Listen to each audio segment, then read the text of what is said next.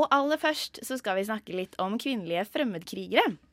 Vi skal særlig se på den eh, ja, eh, den kvinnelige befolkningen i IS, altså. For de er faktisk der, de òg. IS eh, har sjokkert hele verden gjennom sine brutale menneskerettighetsbrudd, høy grad av vold mot kvinner og seksuelt slaveri. Og likevel så har de altså rekruttert en betydelig andel kvinner til organisasjonen. Kvinner som har blitt med i IS, de har møtt stor mistro, og det er særlig et begrep som går igjen, nemlig jihad-bruder. Men kvinner kan ha like varierte grunner for å slutte seg til IS som det menn har. Og de kan ha like varierte roller i denne statskonstellasjonen, viser forskning. I studio så har vi deg, Ester Strømmen. Du er vitenskapelig assistent ved Senter for fremragende forskning ved Universitetet i Oslo. Eh, velkommen. Tusen takk. Du leverte altså tidligere i år din masteroppgave om kvinnelige fremmedkrigere i Den islamske stat, og hvordan kjønnede stereotypier kan virke inn på hvordan disse kvinnene straffes. Aller først, kan du si noe om hvordan du har jobbet eh, i arbeidet med masteroppgaven din? Så jeg så altså da på kvinner i IS og fulgte rettssaker som hadde skjedd internasjonalt. Ingen uh, rettssaker har skjedd i Norge. Så jeg så på rettssaker i USA og England og litt andre steder. Um, og så da egentlig på kvinner fra rekruttering til domfellelse. Og nesten alle disse rettssakene hadde allerede da skjedd. Um, så jeg gikk gjennom rettsdokumenter og jeg gikk mye gjennom mediereportasje og mange av kommentarene uh, rundt uh, disse rettssakene. Så jeg så mye på det som kalles da kjønnsladede narrativ, som veldig ofte blir brukt om kvinnelige ekstremister. Og det er da veldig mye basert på arbeid gjort av uh, to forskere som heter Laura Schoberg og Karen Gentry, som har uh, skapt en egen teori rundt hvordan vi omtaler kvinnelige ekstremister. Mm. Og jeg ville da se om denne teorien, som da er Mother's Monsters Horse, om den fløt egentlig videre og beveget seg videre inn i det rettslige også. Ok, Og hvordan er det da kvinner typisk fremstilles? Så veldig ofte i media, også da i, til en viss grad eh, rettsvesen, så har du veldig kjønnsladde narrativ. At kjønn og kjønnsrolle eh, blir veldig sentralt. Veldig ofte hører du at menn omtales som fremmedkrigere, og kvinner omtales som jihadbruder.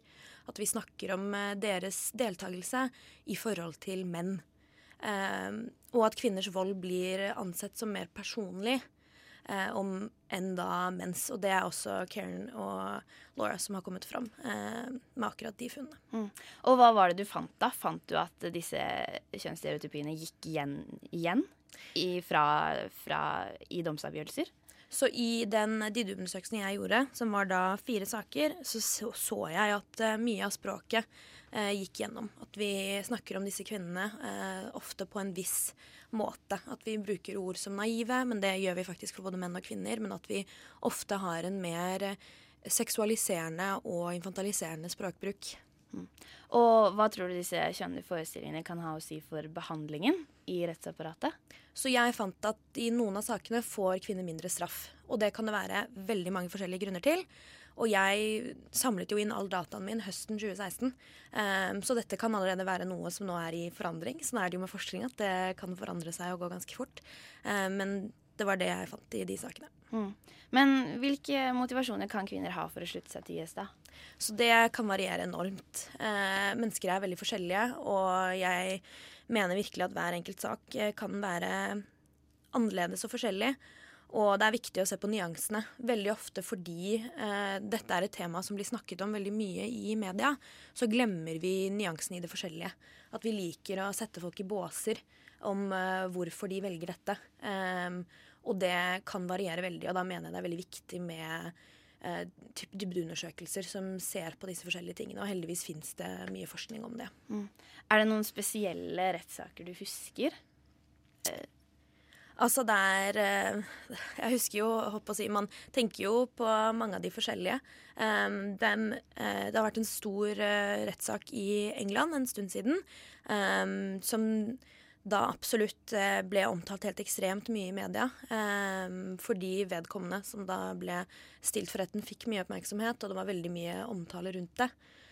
og hun fikk da normal straff i England. Mm. Men hvorfor var det så mye oppmerksomhet rundt akkurat den saken? jeg tror det er det at folk er veldig fascinert av dette temaet. Folk er veldig, Det kan man jo se i norske mm. medier. Vi er fascinert av, at, av, disse menneskene som velger dette og velger å reise. Um, og hvis noe får litt oppmerksomhet, så får det ofte mer oppmerksomhet. Uh, og så blir det at man følger det, ikke sant. Mm. Men denne, denne, dama fikk normal straff, sier du? Ja. Hun fikk seks år i England. Og hva, ja, ok.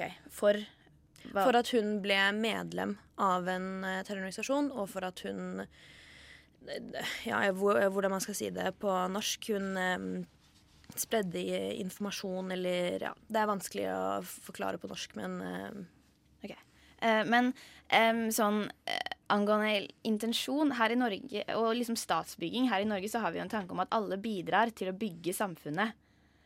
Er det den tanken man har når man dømmer fremmedkrigere også? Fordi det er jo veldig vanskelig kanskje å vite om de faktisk har drept noen eller bidratt i krigshandlinger i Syria. Det har jo ikke vi direkte kjennskap til. Så det er veldig vanskelig, og det er jo derfor disse sakene er eh, både spesielle og vanskelige. Um, og det tror jeg også er noe som varierer fra land til land, uh, som jeg ikke har sett spesifikt på. Uh, men vi har jo f.eks. i Norge så har vi den nye fremmedkrigerloven. Uh, og andre steder så har du ganske tung terrorlovgivning, hvis man kan si det sånn. Eller du har terrorlovgivning på plass. Um, Eh, helt til slutt så har jeg lyst til å spørre deg om du har noen tanker om hvordan vi kan motvirke kjønnede forestillinger på slike arenaer som i retten? Det er et veldig vanskelig spørsmål.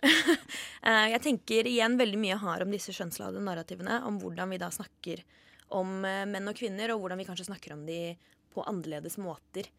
Um, og da blir jo mye av det å tenke seg om hva man sier, både hva media sier, eller hva andre som er involvert, uh, sier når de da følger saker eller hva det må være. Um, og heller da være obs på det. Uh, men mer om det. Altså det, det er et veldig vanskelig og multidimensjonelt spørsmål som er spennende. Altså jeg tenker jo alle um, Det kan liksom dras ut i så mye forskjellig også. Mm, men her foregår det jo mye forskning. Mm, her foregår det masse forskning. Ja. Så det er veldig, veldig bra. Tusen takk for at du kom i studio og snakket om fremmedkrigere og kjønnsstereotypier i, i domsavgjørelser, Ester Strømmen. Tusen takk for meg.